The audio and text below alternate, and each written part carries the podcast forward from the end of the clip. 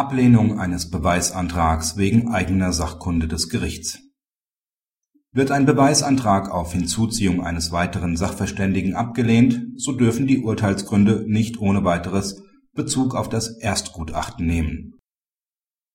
In einem Verfahren wegen Kindesmissbrauchs war bei dem damals zehnjährigen Opfer auf Antrag der Staatsanwaltschaft durch eine Sachverständige eine aussagepsychologische Exploration vorgenommen worden.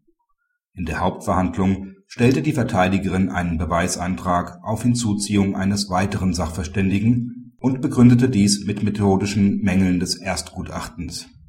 So wurde unter anderem eine unzureichende Fragetechnik unter Verwendung geschlossener Fragen gerügt. Dies war nach Ansicht der Verteidigerin aussagepsychologisch fehlerhaft weil dadurch eine suggestive Wirkung auf die Zeugin ausgeübt werden könnte.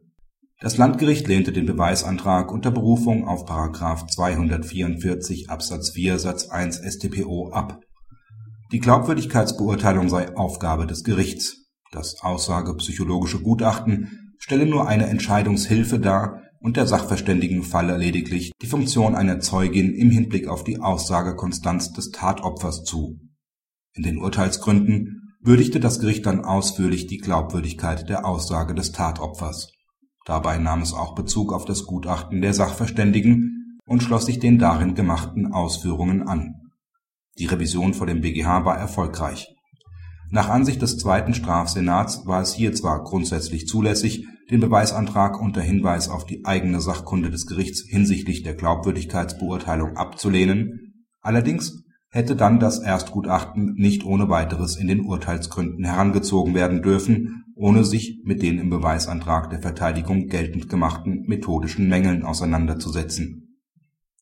Die substanziiert geltend gemachte Fehlerhaftigkeit eines Sachverständigengutachtens kann nur dahinstehen, wenn es auf dieses Gutachten für das Beweisergebnis in keiner Richtung ankommt.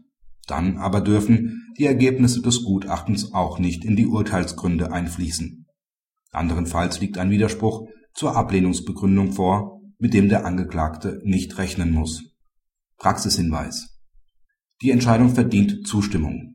Wird die Hinzuziehung eines weiteren Sachverständigen unter Hinweis auf dessen eigene Sachkunde abgelehnt, so muss sich der Angeklagte darauf verlassen können, dass sich das Gericht entweder selbst mit den geltend gemachten Mängeln des Erstgutachtens auseinandersetzt oder aber dieses für die Beweiswürdigung nicht heranzieht